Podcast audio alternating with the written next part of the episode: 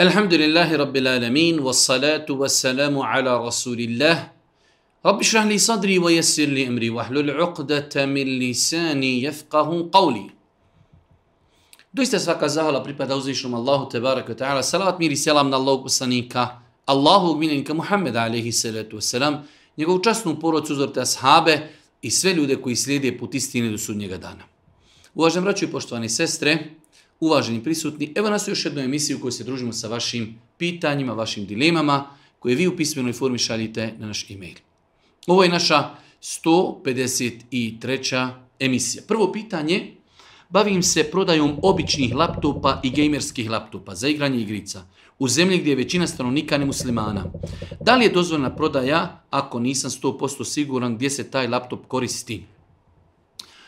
U svakom slučaju, kada je u pitanju prodaja stvari koje se mogu, da kažemo, koristiti na dva načina, a osnova je da je tu e, proizvod halal, onda nema smetnje da se čovjek bavi prodajom takvih stvari, e, u osnovi mnogo je stvari koji se mogu koristiti i na neispravan način. Autom se može, ne daj Bože, napraviti saobraćajna nesreća i možemo ubiti pješaka. Nožem možemo napraviti neki kriminal i tako dalje, ali takve stvari, nož možemo kupiti, auto možemo kupiti i mnoge druge stvari, tako da i prodaja laptopa, e, laptop je u osnovi halal, ispravan, dozvoljen proizvod, to što može neko nešto gledati ili koristiti e, takvu stvar na neispravan način, ako Bog da nije razlog da mi tu stvar ne možemo kupiti, prodati, preprodavati i tako dalje. Tako da, ako Bog da nema nikakve smetnje, se čovjek bavi prodajom e, laptopa.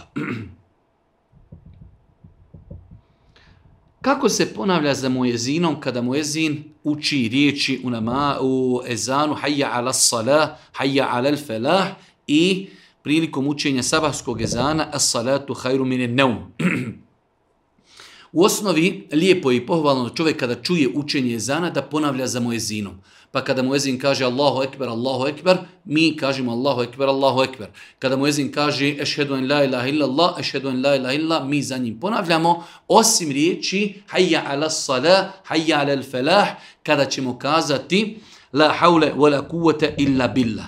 Znači kada muezin bude učio Hayya ala sala, hayya ala sala, mi kažemo la hawla wa la kuvvata illa billah, la havle wa la kuvvata illa billah.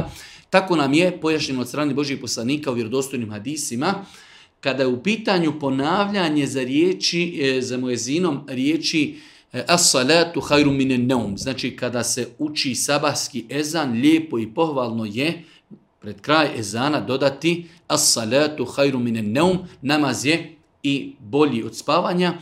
E, te riječi ćemo ponoviti onako kako je kazao muezin znači as salatu hajru mine neum i mi kažemo as salatu hajru mine neum.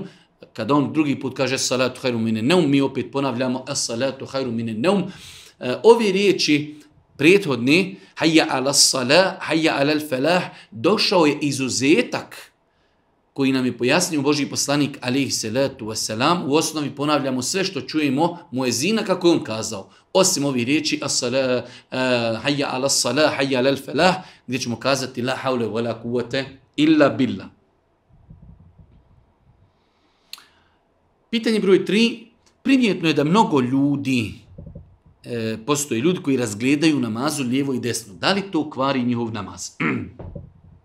Islamski učenjaci kada govori o zakretanju namazu kažu da postoji nekoliko različitih vrsta zakretanja. Jedna vrsta zakretanja da se čovjek zakreni cijelim tijelom. Znači da odstupi od okretanja prema kibli, na taj način bi čovjek pokvario svoj namaz. Imamo zakretanje koje je zakretanje samo glavi i očima, da čovjek samo šara očima, takvo zakretanje u namazu je pokuđeno ako nema nikakve potrebe za tim. Znači jednostavno čovjek je samo u džami i razgleda ili očima ili glavom. Takvo zakretanje je pokuđeno. Allah poslanik ali se letu selam nazvao je to e, krađum. Šetanova krađa od čovjekovog namaza. E, imamo treću stvar u namazu, to je podizanje pogleda u nebo. Boži poslanik je strogo zabranio podizanje pogleda u nebo. Tako da čovjek treba to maksimalno izbjegavati. Znači samo razgledanje glavom i očima je pokuđeno i umanjuje nagradu, stoga je pohvalno lijepo da čovjek u namazu gleda u mjesto gdje će činiti seždu, na taj način će i povećati svoju koncentraciju. Četvrto pitanje, čemu dati prednost? Obavljanju fiziološke potrebe ili obavljanju namaza?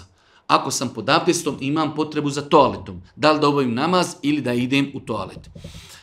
Imamo vjerodostojne hadise koji bilježi i Buharije, muslim da Allah poslanik ali se letu selam zabranio da čovjek klanja, a gladan je u prisustvu hrani. Jer to će ga dekoncentrisati. Klanjamo, gladni smo, pored nas hrana.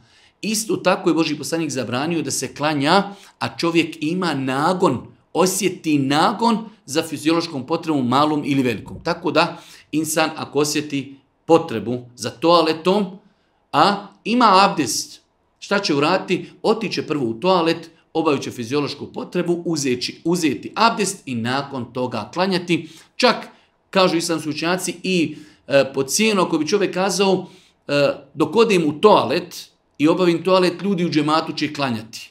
Prioritetnije je da čovjek ode obaviti toalet, ponovo abdesti, makar nakon toga klanjao sam. Pogledajte koliko islam pažnje posećuje koncentraciju namazu, da čak daje prednose, znači da obavimo toalet kako bi se mogli koncentrisati, čak dajemo prednost nad namazom u džematu. Peto pitanje je li tačno da sabah namaz može da se klanja sve do podni namaza? Da li se namaz prije izlaska sunca smatra rani sabah, a nakon izlaska kasni sabah? Nije tačna konstatacija da se sabah namaz može klanjati do podni. Vrijeme sabah namaza počinje pojavom zori. Šta je pojava zori? Kada na istoku vidimo, znači da jednostavno su počeli, znači sunčevi zraci lagano da se vide, znači vrhovi planina. To je početak zori i sabahsko vrijeme traje sve dok sunce ne izađe na istoku. To je otprilike neki sat i po vremena namasko vrijeme u kojem čovjek, vjernik, muslima mora klanjati sabah. Nakon toga nastupa period do podne namaza u kojem se ne klanja nijedan obavezni namaz. Može se klanjati duha namaz, ali sabah namaz se mora klanjati od vremena pojave zori, pojava zori pa do izlaska sunca ne postoji, znači u tom kontekstu rani i kasni saba. možemo reći rani sabah onaj ko klanja na početku namaskog vremena, kasni saba, onaj ko klanja prije izlaska sunca. Ali smatrati da se saba može klanjati nakon izlaska sunca je totalno neispravno. Još jedno pitanje vezano za saba. Esselam alaikum, brate, zakasnio sam da ustanem na sabah. Probudio sam se i vidio sam da je 7 i 15, ali sam ipak otklanjao dva rekevata sabahskih farza. Ali ipak nisam klanjao na vrijeme i ne znam šta da radim. Ako može da mi pojasnite. U svakom slučaju, čovjek vjernik treba da se potrudi maksimalno da ustani na sabah. Rekli smo, sabahsko vrijeme je od pojave zori do izlaska sunca. Ako bi se desilo da je čovjek poduzeo sve što je mogao, da li je naštimao mobitel, sahat ili nešto i prespavao, ustao je nakon izlaska sunca, on će tada kada se probudi abdestiti i klanjati, iako Bog da nije griješan. Imamo na hadise koji bilježi imam i Buharija i muslim da je Allah poslanik ali sam kazao kada insan prespava namaz ili ga zaboravi.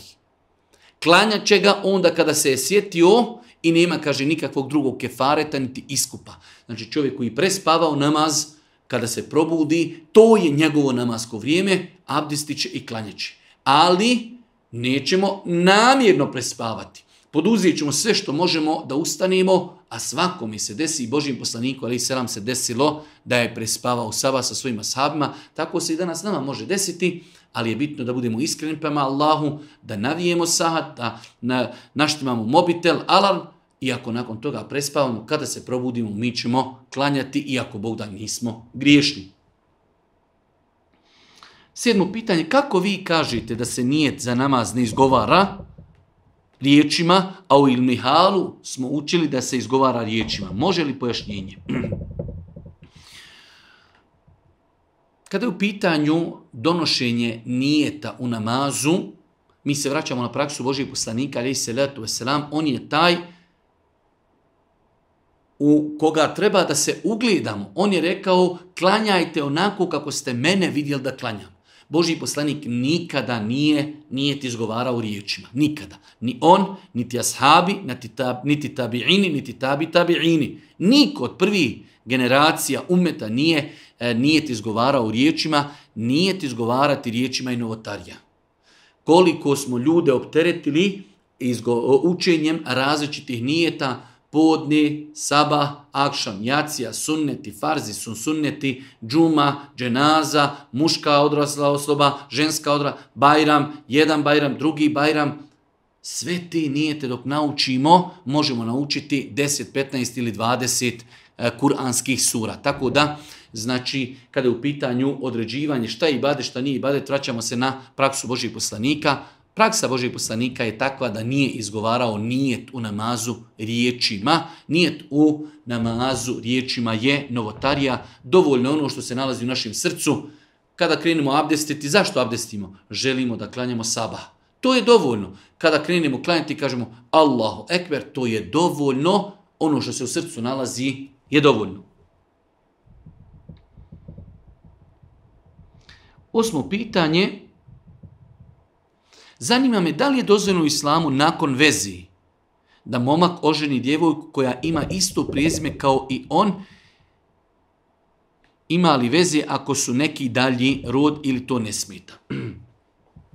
Nema smetnje da čovjek oženi djevojku sa istim prezimenom, samo je uvjet da nije ona od kategorija žena koje je Islam zabranio da s njima stupamo u brak a to što su ljudi istog prezimena uopće, uopće ne smeta, znači samo je bitno da čovjek ne oženi ženu koja je, ne daj Bože, islamom jasno zabranjena. Znači u islamu kada je u pitanju ženitba imamo kategorije žena koji su zabranjene ženiti, nakon toga dozvoljeno da čovjek oženi e, određenu ženu, pa makar ona i bila neka daljnja njegova rodica, odnosno da su oni pod istim prezmenom, to uopće ne smeta.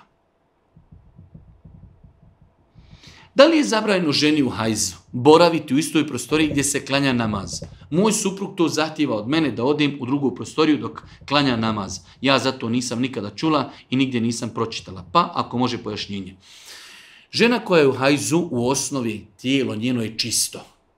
Ona ne može klanjati namaz, ali nema potrebe da čovjek e, smatra da to ima nekakve veze sa njegovim namazom. Svakako kada je u pitanju namaz, žena ne smije proći ispred muškarca koji klanja, na taj način bi pokvarila njegov namaz. Ali da žena sjedi s lijeve strane, s desne strane, iza čovjeka koji klanja, Boži poslanik ali se ratu sram bi klanjao u istoj prostoriji u kojoj se nalazi Aisha, čak Aisha bi ležala ispred poslanika, pa bi je on dotakao rukama da skloni noge, da ima gdje činiti seđdu. Tako da znači nema nikakve potrebe, pogotovo ako to teško pada ženi. Znači inače žene u periodu mjesečnice su i osjetljive i još sad u svemu tome čovjek dolazi i kaže izađi iz prostorije u kojoj ću klanjati kao nisi čista ili nešto slično tome. Znači to nema nikakvo uporište u sunnetu, čak šta više suprotno tome. Poslanik ali selam u svojoj sobi, u svojoj kući u kojoj živio, znači klanjao je a Iša radijallahu ta'ala anha je bila u istoj sobi u kojoj on bio i mnogo je drugih hadisa gdje Iša kaže spavala sam pa sam tražila Božeg poslanika pa sam ga našla da klanja pored mene. Znači u istoj sobi, u istoj kući poslanik klanja, znači a pored njega je a iša, tako da nema nikakve smetnje da čovjek klanja, a da u njegovoj istoj toj prostoriji bude i supruga koja je u hajzu. Čuo sam da balega, kravi i ostali domaći životinja nije nečista. Je li ta tvrdnja tačna? Kada je u pitanju balega ili izmet domaćih životinja koji su jestive, tačno je da s aspekta islama to nije nečisto. S aspekta islama. Šta znači s aspekta islama? Islam to ne smatra nečistim, da to moramo očistiti da bi naš namaz bio čist, e, validan, ispravan. Tako da primjer radi ako bi čovjek E, bio zauzet oko ti nekih e, poslova poljoprivrednih i na njegovoj odjeći se našlo balegi od krave ili od ovce ili od kokoši, sve su to jestive životinje, da li mora oprati odjeću ili može tako uklanjati. Može tako uklanjati. mi govorimo s aspekta islama, s aspekta higijenskog, čovjek hoće da ide u džamiju, propisano da obuče lijepu, čistu odjeću. Ali ne mogu svi ljudi u džamiji klanjati. Imamo ljude koji su poljoprivrednici, imamo ljude na njivama, imamo ljude koji klanjaju u radnoj odjeći. U takvom slučaju, da li je balega izmet jestivi životinja čista ili nečista? Čista. S aspekta ne moramo je oprati. Allahu poslanik ali u hadijskoj bilži i Buharija i Muslim, kada je skupina e, ljudi došla u Medinu pa su se razbolili e, zbog specifičnosti medijinskog zraka, oni im je naredio da idu izvan Medine, da žive u jednom mjestu gdje su bile deve Božjih poslanika koji su bile od zekijata i naredio im je da piju mokraću od devi. I to ih je, e, i tako, i na taj način su se izliječili, ali ovdje je pojenta da im poslanik naredio zato što je mokraća čista. Možda to nekim ljudima sada e, znači malo izgleda e, teško i grubo, ali današnja medicina je to dokazala da je mokraća znači devi e, lijek za određena oboljenja vezana za znači disanje i neke druge hajde kažemo bolesti koje može čovjek imati. Na osnovu ovog hadisa i drugih argumenata islamski učenjaci su kazali da znači e, balega ili čak mokrača, e, životinja čije meso je jestivo nije nečista. Nije nečista.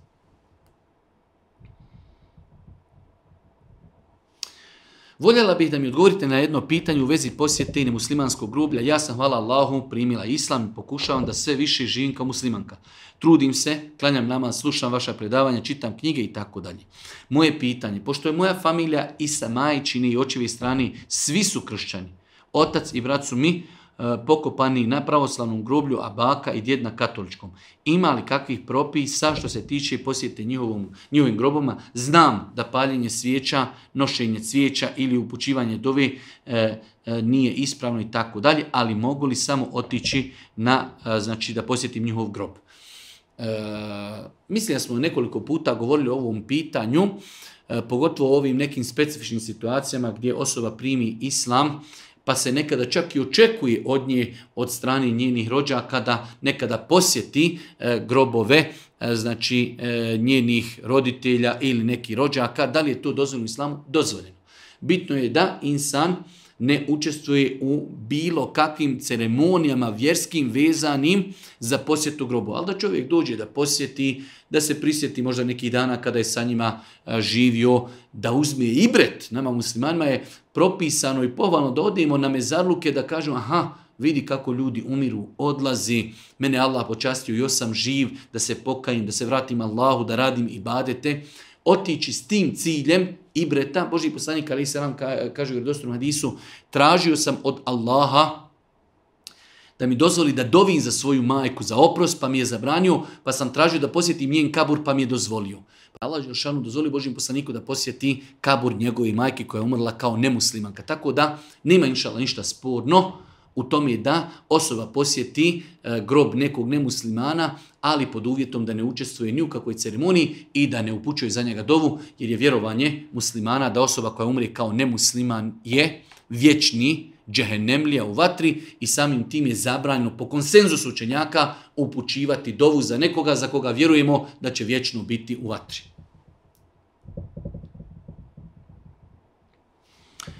Jedno malo duže pitanje, možda malo i specifično, ali ćemo dati opći odgovor. pitanje je, jedna sestra je postavila pitanje da li je dozvoljeno da žena dovi, žena razvedena, da dovi da joj Allah podari za muža određenu osobu. U ovom slučaju je to neka poznata osoba po nečemu, da li je to alim, da li je to daja, da li je to karija Kur'ana, da li je dozvoljeno da osoba dovi ja rab, podari mi za muža tog i tog insana. E, odgovor na to pitanje eh, dajemo općenito, zato što nam se postavljaju ovakva pitanja više. Nema smetnji da čovjek traži od Allaha da mu olakša da oženi neku djevojku ili djevojka da dovi Allahu da, da se uda za određenog insana. Ali ono što je bolji i prioritetnije jeste da insan dovi Allahu da mu podari E, osobu s kojom će ako Bog da biti sretan i zadovoljan, s kojom će ako Bog da zarati džennet. Mi ne znam, mi možemo dobiti, ja rabo lakšaj nam e, da oženim tu i tu ženu ili da se udam za tog tog muškarca, možda mi o njemu nešto ne znamo što kada bi se za njega udali, možda bi bili nesretni. Možda znamo vanštinu tog čovjeka, ali ne znamo kakav je on. Ne znamo da li bi mi sa njim bili sretni, stoga je bolji da vjernik i vjernica prilikom e, donošenje odluke da želi stupiti u brak, da moli Allah, ja rab gospodaru, podari mi čestitog supruga. Ja rab podaži, podari mi čestitu ženu, suprugu. Ko je ta osoba? Allah Đelšanu najbolje zna ko nama odgovara. Možete li mi reći, da li će osoba biti griješna pred Allahom ako odaberi jedan stav učenjaka povodom nekog pitanja? a zapravo je bio ispravan drugi stav kojeg se osoba ne pridržava. Na primjer, pročitala sam da je većina učenjaka stava da bijelo pranje kvari abdest. Međutim, meni je logičan stav da ne kvari, pa se toga stava i pridržavam. Da li ću ja biti griješna i tako dalje. Znači, pitanje je da li osoba će biti griješna ako praktikuje nešto, a zna da su dokazi, znači ukazuju na drugi stav. U svakom slučaju, Insan, kada je u pitanju vjera, ne smije se poigravati s vjerom. To je prva stvar. Druga stvar, mišljenja se ne odabiraju shodno logici, već se odabiraju shodno jačini dokaza. Pa insan, ako je od onih koji mogu na osnovu dokaza odabrati mišljenje, evo u ovom slučaju e, bijelo pranje, da li kvari abdest ili ne, četiri mezeba kažu kvari. Ako insan doista kompetentan, analizira, zna dokaze i kaže ja to odabiram na osnovu dokaza da ne kvari, to je nešto drugo. Ali na osnovu logiki ne možemo mi dati prednost logici nad dokazima. Pa je znači obaveza vjerniku ako ima kompetenciju da gleda u dokaze i da slijedi ono mišljenje gdje su dokazi jači. Ako nema kompetenciju, onda će pitati i slušati najučeniju osobu koju poznaje. Tako da je ovo neispravno, pogotovo zato što se nagrađuje na to i proizilazi iz toga ispravnost namaza. Pa žena kaže, meni nije logično da bijelo pranje kvari abdest, ja od sutra i kad imadnem bijelo pranje, ja ću klanjati. Nima tu mjesta za logiku. Gledamo u šerijatske dokaze. Ako nismo kompetentni da gledamo u šerijatske dokaze, onda pitamo nekoga koji je za nas najveći autoritet, najbogobojazniji, šta vi kažete u pogledu pitanja? On kaže kvari i ja sam tog stava jer sam mukallid. Slijedim onoga kao što mi je Kur'an naredio feselu ehle zikrin kuntum la pitajte učen ljudi ako ne znate. Meni je Allah naredio da pitam, on šta mi rekni, ja ću raditi po tome. Ali da mi odabirimo, nismo kompetentni, samo zato što, evo, meni nekako razumno djeluje da je ovo mišljenje jači. Ne smijemo se igrati sa takvim stvarima. 14. pitanje, može li se koza klati kao akika djetetu i koliko mora biti stara? Kada u pitanju propis akike, rekli smo da se propis akike e, životinja koja se kolje za akiku ne razlikuje od propisa životinja koja se kolje za kurban. Pa kao što kada koljemo kozu za kurban treba da je napunila godinu dana, ovca može da bude u 6 mjeseci pa nadalje, ali koza ne može. Znači krava mora da bude dvije godine pa više, deva da bude pet godina pa više, koza godina pa više. Tako da ne može se koza mlađa od godinu dana klati niti za kurba, niti za kiku, za razliku od ovci koja može da bude šest mjeseci pa starije od toga.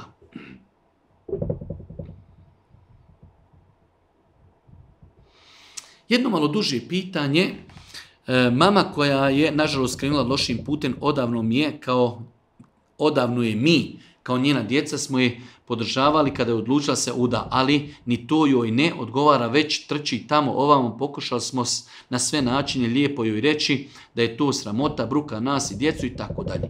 U svakom slučaju, jedno duže pitanje gdje e, djeca primjećuju da njihova majka ima e, neispravne kontakte sa muškarcima, podržali su je da se uda, ali to njoj nije bilo dovoljno, jednostavno, e, znači, mijenja muškarce, ima sa njima e, kontakte, nećemo kazati čini blud, ali znači jednostavno ima sa njima kontakte. E, kako se obhoditi sa, sa takvom majkom? Prva stvar, ovdje vidimo koliko teško djeci pada kada njihovi roditelji nisu na pravom putu i kada ih u jednu ruku sramote. S druge strane, Eh, ono što djeca mogu jeste savjet, ništa više. Mogu da to i svoje majska majka late nagradio, mi tebe volimo, ti si naša majka, ti si starija, ne bi trebalo da mi tebe savjetujemo, ali pošto vidimo da radiš određene stvari, savjetujemo da to ostaviš, to je haram, boj se Allaha, nemoj to činiti i tako dalje. To je ono što to je ono što mogu djeca da uradi. E, sad ostaje moment, da li smiju zbog toga što ona radi nešto što je loše, da je bojkotu i da je ne radi dobročinstvo, ne smije. Znači, ona je njihova majka, tamam da je nevjernica, tamam da čini širk. Širk je veći grijeh e, od nemorala, širk je veći grijeh od nekog znači, kontakta sa muškarcima i kada roditelj čini širk, opet, kao što nam Kur'an kaže, nastavite im činiti dobročinstvo. sahibuhuma fi dunja marufa i prema se njima na dunjalku lijepo obhodi. Tako da ono što djeca mogu jeste da savjetuju roditelja, ali obaveza dobročinstva ostaje. Obaveza dobročinstva prema roditelju i dalje ostaje. 16. pitanje, kako postupiti ako imam u džematu kada klanja, zaboravi i ustani na peti rekiat? Može se znači desiti situacija da imam u džamiji klanja četverorekiatni namaz ili podne ili kindiju ili jaciju. To su četverorekiatni rekiati. Namazi ustani na peti rekiat. Zaborav. Šta će raditi muktedije, ljudi koji klanjaju za imamom? Urači jedno dvije stvari. Prva stvar, upozorit će ga riječima subhanallah. Pravilo je znači da kada imam nešto pogriješi u namazu, ljudi ga popravljaju izgovarajući glas riječi subhanallah. Ako imam svati, dobro jest. Ako ne svati, ostani, oni će sjediti, neće ustajati. Jer oni su svjesni da je to višak, a namjerno dodavati višak u namaz kvari namaz. On nije svjestan u redu. On ako očeo na peti rekiat, mi ćemo ga upozoriti. Subhanallah, subhanallah, subhanallah. Ako svati, treba da sjedni. Ako ne svati, znači mi ćemo ostati, učimo je tehijatu, čekamo imama i sa njim ćemo zajedno predati selam. Znači, ako bi nam se desilo u životu da klanjamo u džematu i Efendija je imam koji nas predvodi ustao na peti rekiat. U zaboravu. Mi ćemo mu sugerisati riječima subhanallah, da mu ukažemo uradio si grešku. Ako se sjeti i svati, treba da sjedni. Ako se ne sjeti, ne mogne da svati šta je problem i klanja taj rekiat, mi ćemo ostati na etehijatu. Učimo i čekamo dok on završi taj svoj rekiat. Kada sjedni, zajedno ćemo sa njim predati selam.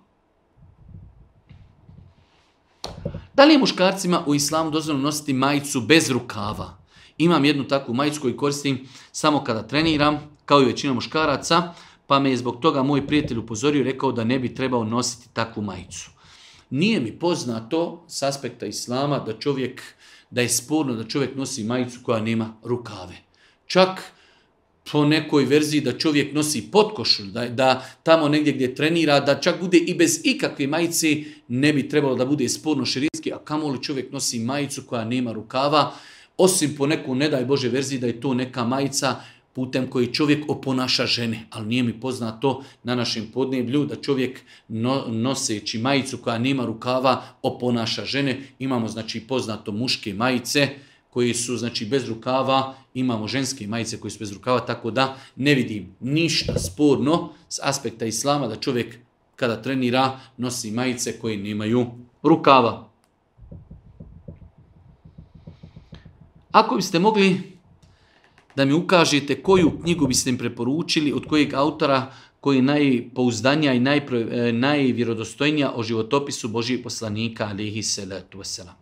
Znači od nas se traži da spomenem nekoliko knjiga koje su provjerene, tačne u pogledu biografije životopisa Božijeg poslanika ali se Svakako e, na bosanskom jeziku mislim da sigurno postoji više od 50 različitih knjiga koje e, govore o životopisu Božih poslanika ali e, Neke su manje neke su obimnije, neke su veće, neke su detaljnije. Od manjih knjižica koje govori o Božijem poslaniku jeste knjižica Upoznaj Božijeg poslanika u nekoliko minuta autora Nasira Zehranija. Znači knjižica, čepno izdanje Upoznaj poslanika u nekoliko minuta, autor Nasir Zehrani. Imamo drugu knjigu koja nije velika vrlina Allahog poslanika, autora imama et Muhammed e, prevod Husein Omer Spahić. Husein Omer Spahić, vrlina Allahog poslanika, autor šeh e, Imam Etirmiti. E, treća knjiga ovako izgleda Allahog poslanik, autor Šefi Kurdić. Znači imamo knjigu od našeg doktora Šefika Kurdića koja govori o Božim poslaniku, se se selam. Knjiga Mohamed, Allahog poslanik, autor e, doktor Hakija Kanurić. Također knjiga, znači nije ogromna, nije velika, srednja knjiga Muhammed Allahu poslanik, autor Hakija stjeci Stjecište svjetlosti, uh, autor Safi Rahman, Safi Rahman El Mubarak Furi, prijevod Elvedin Husein Bašić. Poznata knjiga Stjecište svjetlosti od El Mubarek Furija.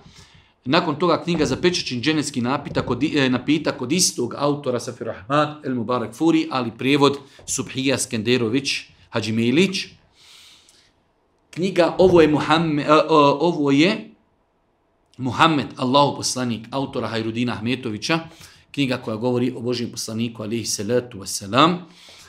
Poslanikov životopis, autor Ibn Hišam, prijevod Mustafa Prljača, jedna od najobimnijih knjiga koja govori o životopisu i biografiji Božih poslanika, sira od Ibnu Hišama, poslanikov životopis, Ibnu Hišam, prijevod Mustafa Prljača. I pre, Pretposljednja knjiga Čovjek kojeg treba voljeti, autor Ebu Bekr El Džezairi, prijevod Amir Durmić.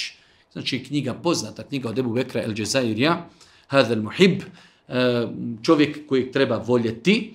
I posljednje dijelo knjiga Život i dijelo posljednjih vjerovjesnika, prikaz i analiza događaja. Autor Ali As-Salabi, prijevod Abdullah Nasub.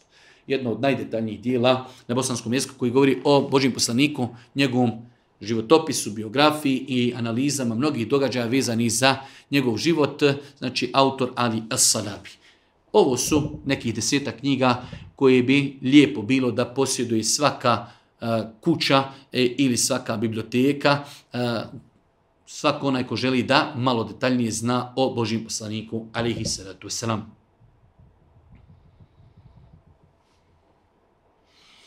Prilikom namaza ženi, da li je u redu nemati ništa ispod suknje i džilbaba? Mislim na piđamu, helanke. Dok se klanja ili samo imati suknju uz donji veš bez piđami i helanke. Znači, pitanje je da li žene mogu da klanjaju namaz, da uzmu ogrtač ili da obuku suknju, a da ispod suknje nemaju helanke, neku piđamu ili nešto slično tomi. E, ono što je nama obavezu namazu, kako muškarcima, tako i ženama, jeste pokriti avrete na bilo koji način da žena pokrije avrete, njen namaz je ispravan. Tako da žena ako obuče suknju koja nije prozirna, ispod koje nema ništa više od odjeće, njen namaz je validan. Ako ogrne ogrta džilbab koji nije proziran i da ispod njega nema ništa drugo, njen namaz je ispravan. Ono što je nama znači bitno i naređeno u namazu jeste da pokrijemo avrete. I muškarcu i ženi. Ženama, znači, znamo da je u namazu dozvoljeno samo da otkriju šake, lice i po nekim učenjacima stopala. Ostali dio tijela treba da bude pokriven. Kako god da to žena pokrije, nje namazi ako Bog da, validan. Imam jedno pitanje za vas. Sada često omladina u Bosni i koristi nešto što se zove snus. Imam pitanje da li je snus haram. Snus je, kako kažu, tradicionalni skandinavski bezdimni duhanski proizvod. Znači, to je tradicija u zemljama Skandinavije, proizvod duhanski, ali nema dima. Znači, stavljaju se male kesice e, e, duhana pod gornju usnu i tako se konzumira nikotin. Da li je to dozvoljeno islamu? Apsolutno zabranjeno iz razloga što je na taj način čovjek znači ugrožava svoje zdravlje i snus u sebi po nekima ima 20 e, puta veću koncentraciju nikotina nego što je to nikotin u cigarama koje ljudi konzumiraju. Tako da učenjaci već dugo, dugo vremena su davali šerijatske odgovore fetve da je konzumiranje snusa štetno i da je zabranjeno po islamu šteti ljudskom tijelu, uništava čovjekovo zdravlje i uništava čovjek i meta kupujući takve zabranjene stvari. 21. pitanje, selam aleikum, da li je dozvoljeno učiti Kur'an na mobitelu bez abdesta? Allah najbolje zna, nema nikakve smetnje da čovjek vjernik uči Kur'an preko neke od aplikacija na mobitelu bez abdesta. Ja sam čak i poprilično tolerantan, opet na osnovu analize ovog pitanja i učenje Kur'ana iz hafa bez abdesta, ali kada je u pitanju mobitel, nema nikakve smetnje da čovjek u autu, u e, negdje, znači u čekaonici, u školi ili već gdje god želi, znači koristi svoje vrijeme, na mobitelu ima aplikaciju Kur'ana da uči Kur'an, a da nema abdest, nema nikakve smetnje.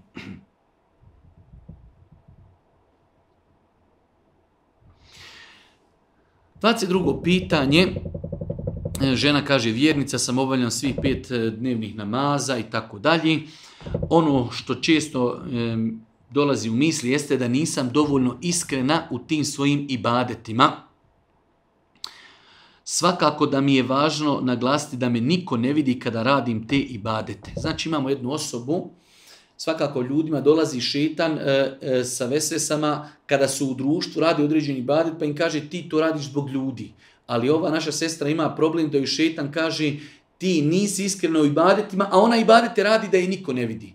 To je znači jedno klasično šetanovo došaptavanje vesvese gdje ljudima pokušava otežati ibadete, čovjeka niko ne vidi, ali on kaže, ali ti nisi iskren u svojim ibadetima. Tako da insan samim tim činom, da ga interesuje ova tema i da ga je strah ukazuje na njegovu iskrenost. Tako da insan Eh, kada dođe u ovakve situacije treba samo da znači nastavi raditi i badete, ne osvrtati se na ova došaptavanja, svakako da je svima nama naređeno da prispitujemo sebe i svoje namjere, dijela da bi bila primljena kod Allaha, moramo i raditi radi Allaha, ali ne smijemo otići u jednu drugu krajnost, da ostavljamo dijela zato što se bojimo da li smo iskreni u tim dijelima. To je neispravno, tako da insan treba da se preispituje, ali ne smije da dozvoli da ga šetan toliko, e, da kažemo, e, zavede i da ga time optereti, da ostavlja i badete, bojeći se da li je iskren u svemu tomi.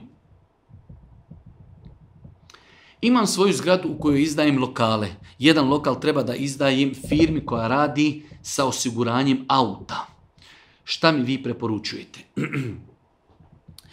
ono što je danas poznato jeste da e, ono što imamo u našim društvima da su e, osiguranja u 99% slučajeva otvaraju se samo zbog komercijali. Komercijalna osiguranja, komercijalno osiguranje u islamu na način kako se danas praktikuje je zabranjeno izdavati lokale onome ko radi nešto što je zabranjeno, također je zabranjeno. Izdati lokal nekome ko će u tom lokalu raditi nešto što je zabranjeno, nije dozvoljeno. Jer ga mi na taj način pomažemo. Kada bi se svi ljudi sustegli, rekli, niko od nas neće izdati e, lokal za banku, niti za prodavnicu koji ima alkohola, niti za kladionicu, niti za osiguranja.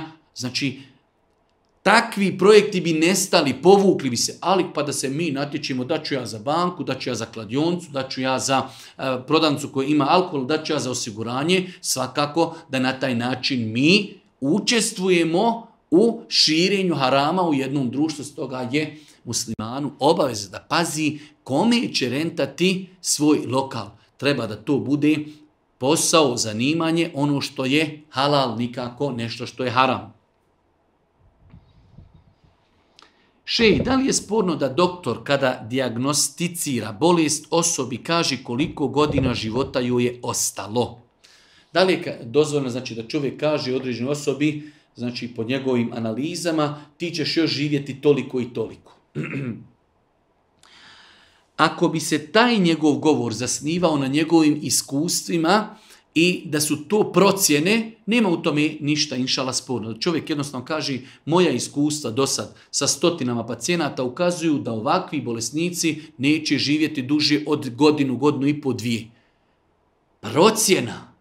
Ali ne može čovjek, i to je zabrano, čovjek kaže, e ovaj će čovjek živjeti još tri dana, ili još pet dana, ili taj dan će umrijeti. To je neispravno. Ali procjena, da čovjek kaže, po mojoj procjeni, čovjek će živjeti još možda sedam ili deset dana. Možda. Ali da kategorički tvrdi živjet će još toliko, to ne zna niko osim uzvišeni Allah i to je gajb. Pa nije dozvoljeno kategorički tvrdi, ali kao iskustvo, kao pretpostavka, to je, znači dozno, možda čak u datom momentu i potrebno čovjek jednostavno kaže vidite ovakve bolesti, poznato je da toliko i toliko ljudi žive, kako bi se insan možda pokajao, kako bi se vratio, kako bi svoj život analizirao, kako bi ostavio određene loše postupke i tako dalje, tako da, znači, ako doktor to ukazuje na osnovu svog iskustva i kao pretpostavka, nije to sporno, ali da kategorički tvrdi, to je neispravno i to je zalaženje u gajb. Esalamu alaikum, zanima me da li je grih rati u vinogradima, od čijeg se ploda kasnije pravi vino. Ako čovjek sigurno zna da će se plodovi koji on ubire u vinogradu koristiti samo u proizvodnju alkohola, onda mu nije dozvoljeno raditi na takvom mjestu. Razlika da mi dođemo u vinograd i berimo grožđe, ne znamo mi ni gdje se to distribuira, ni šta se od toga radi, jednostavno pakujemo i to je to. Ali ako mi znamo, taj vinograd ne prodaje nigdje svoje grožđe ili šljivu ili jabuku, osim za alkohol, onda smo i mi sastavni dio znači pomoći u tom grijehu. Jedno malo duže pitanje koje iziskuje i, i duži odgovor radi se o jednoj našoj sestri koja ima problema sa intimom, sa svojim čovjekom. Rezime pitanja da znači oni imaju predigru, pred, prije intime, ta predigra se e, manifestuje da ona oralno zadovoljava svog čovjeka, nakon toga nastupa intimni kontakt u kojem jednostavno ona nema vremena da doživi orgazam, a njen muž jednostavno e, bukvalno od nje očekuje da bude zadovoljna i da bude znači jednostavno e, da, da uživa u svemu tome kao što on uživa do te mjere da znači žena u 12 godina braka nikada u životu nije doživjela niti jednom orgazam. Čitav život ima potrebu za intimom. E, čovjek je vrijeđa ako vidi da nije E, znači e, pokazivala znake zadovoljstva, vrijeđa i do te mjere da ono bili poželjela drugog muškarca i tako dalje, e, do te mjere da jednostavno žena, iako voli svog čovjeka, živi sa njim 12 godina, već jednostavno lagano njeno strpljenje slabi. Šta, kakav je propis u ovakvim situacijama? Prva stvar, islamski učenjaci kažu da je čovjeku obaveza kao što mu je obaveza kada oženi ženu da ju bezbijedi hranu, piće, stanovanje i odjeću, njemu je obaveza da ispuni njene seksualne potrebe. Ovo su teme o kojima moramo govoriti. Nekada mene ljudi kritkuju, i kažu e, šejh zašto govorite o ovakvim pitanjima. Pogledajte kakav zulum i nepravda se čini žena 12 godina živi i nikada u životu nije doživjela orgazam i nikada u životu nije ispunila svoje seksualne potrebe 12 godina. Šta mislite da imamo ženu koja 12 godina ništa ne jedi? 12 godina koju čovjek nije kupio ništa od odjeći. 12 godina nije kupio vode. Kako mi gledamo na tog čovjeka? Zulum je i nepravda da čovjek ne ispunjava e, seksualne potrebe svoje supruge. Ako ne može to ispuniti, treba da vodi dijalog, žena ima pravo na razvod braka ako njen muž ne može ispuniti njene seksualne potrebe. Pa ovaj brat pravi nekoliko prekršaja. Prva stvar što e, ne ispunjava e, obaveze prema svojoj supruzi. Druga stvar, od nje traži, insistira da bude zadovoljna iako nije zadovoljna.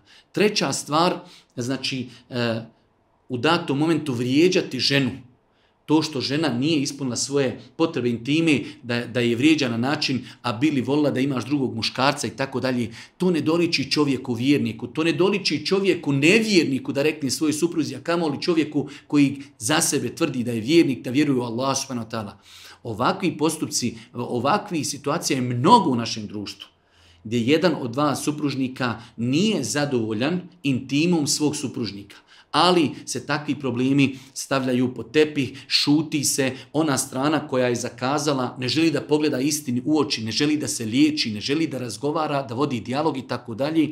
Znači u islamu je muškarcu stroga obaveza da ispuni potrebe intime. Ovaj slučaj ovdje je jedan veliki zulum kojeg niko nikome ne bi poželio. Da li bi neko poželio da njegova majka, e, da se njoj čini takav zulum i njegovoj sestri ili njegovoj čerci, da 12 godina ona e, znači nije zadovoljila svoje e, potrebe intime. Pa je ovo savjet supružnicima znači da vode dijalog ako neko od njih nije zadovoljan, da kaži, ali da, da, ta druga strana ima hrabrosti da pogleda u oči problemu, da pokušaju riješiti problem e, kod doktora, nekada je to psihološki problem, nekada je problem sa sihrom, nekada je problem u izrani, nekada je problem u strahu, ali treba problem rješavati, a ne glumiti da ne vidimo taj problem.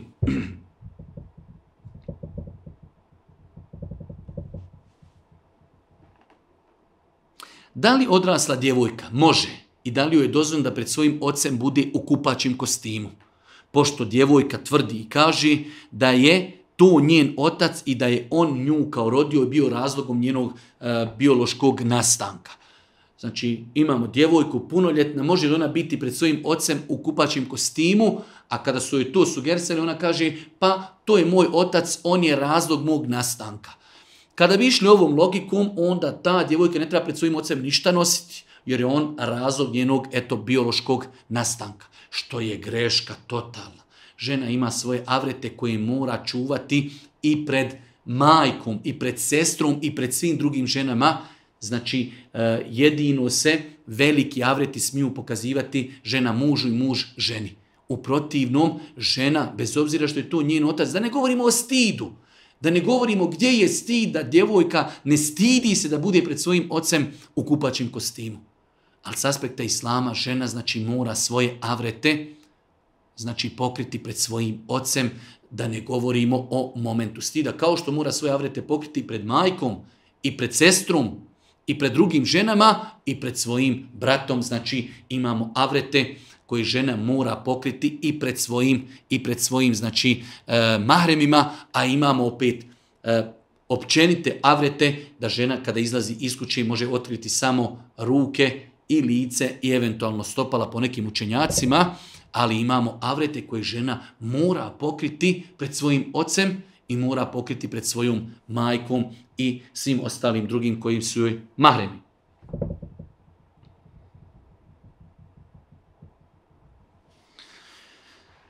Naime, odrasla sam bez majčinske ljubavi, iako smo živjeli zajedno, nije marla za mene kada mi je, bi, kada mi je bila kao dijete potrebna. Sada očekuje da ju čini dobročinstvo jer mi vjera tako nalaži. Poznaje da se to spominje u Kur'anu i toga se drži i tako dalje. Pitanje znači, jedna naša sestra odrasla je u poroci gdje joj majka nije posvećivala ljubav, nije posvećivala emocije. Sad njena majka očekuje od nje dobročinstvo e, ima li eh, ona obavez prema svojoj majci? Da. Emocije su nešto što mi ne možemo kontrolisati, ali dobročinstvo mi možemo kontrolisati. Djevojka koja je odrasla eh, u situaciji da joj majka nije ispoljavala emocije, možemo i razumjeti da kaže ja ne osjećam ljubav prema majci. To mogu ja razumjeti. Jeste teško, ali mogu razumjeti. Ali to nema nikakve veze da mi činimo dobro. Mi možemo činiti dobročinstvo komšiji, možemo činiti dobročinstvo nemuslimanu, možemo činiti dobročinstvo e, prijatelju, učitelju, nastavniku. E, kao što činimo dobročinstvo komši, prijatelju, poznaniku, a ne moramo ga voliti, isto tako i mnogo više i preče je da činimo dobročinstvo našoj majci, a ako je njeno ponašanje prema nama uzrokovalo da mi nemamo ljubav prema njoj, to je nešto što mi ne možemo kontrolisati, to je srce ali možemo kontrolisati svoje postupke da ju činimo dobročinstvo. 29. u pitanju, u zadnje vrijeme mi se stalno dešava da se na putu ispred mene nađe mrtva vrana. U narodu je to poznato kao loša sreća, Pa me zanima ima li istinu u tome apsolutno nikakve istine u tome nema. Kada bi čovjek u toku dana naišao ispred sebe i našao stotinu mrtvih vrana, to nema nikakve veze sa njegovom budućnošću, sa njegovom nafakom, sa njegovom srećom, sa njegovom nesrećom. Totalno kada bi naišao svakim danom na stotinu mrtvih vrana, nema nikakve veze sa njim, njegovim životom, njegovom budućnošću, njegovim e, dobrom i njegovim zlom.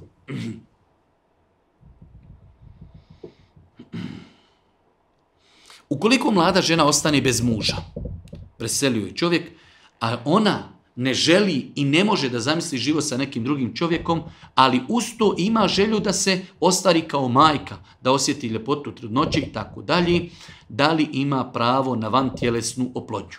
Znači imamo jednu sestru, umrla je, čovjek je umro i jednostavno više ne može se zamisliti da živi sa drugim muškarcem. Da li ona putem van tjelesne oplodnje može da se ostvari kao majka, u islamu ne. Jedini način kako ova žena može dobiti dijete jeste brak. Van tjelesna oplodna, oplodnja iziskuje da se njena tečnost oplodni sa spermom nekog drugog muškarca. Ko je taj drugi muškarac? Ko je otac njenom djetetu? Za koga se sutra može i ne može udati to njeno dijete? Tako da to islam strogo zabranjuje. Zato islam dozvolio vam tjelesnu oplodnju samo ako se radi o oplodnji ženski, znači jajnih ćelija i spermije muškarca koji su čovjek i žena. Ne smije se uvoditi treća osoba u njihovu e, van vantjelesnu oplodnju. Tako da žena koja je ostala bez čovjeka, ili će ostati tako neudata i neće se ostvariti kao majka, ili će se udati pa se ostvariti kao majka, nema trećeg rješenja.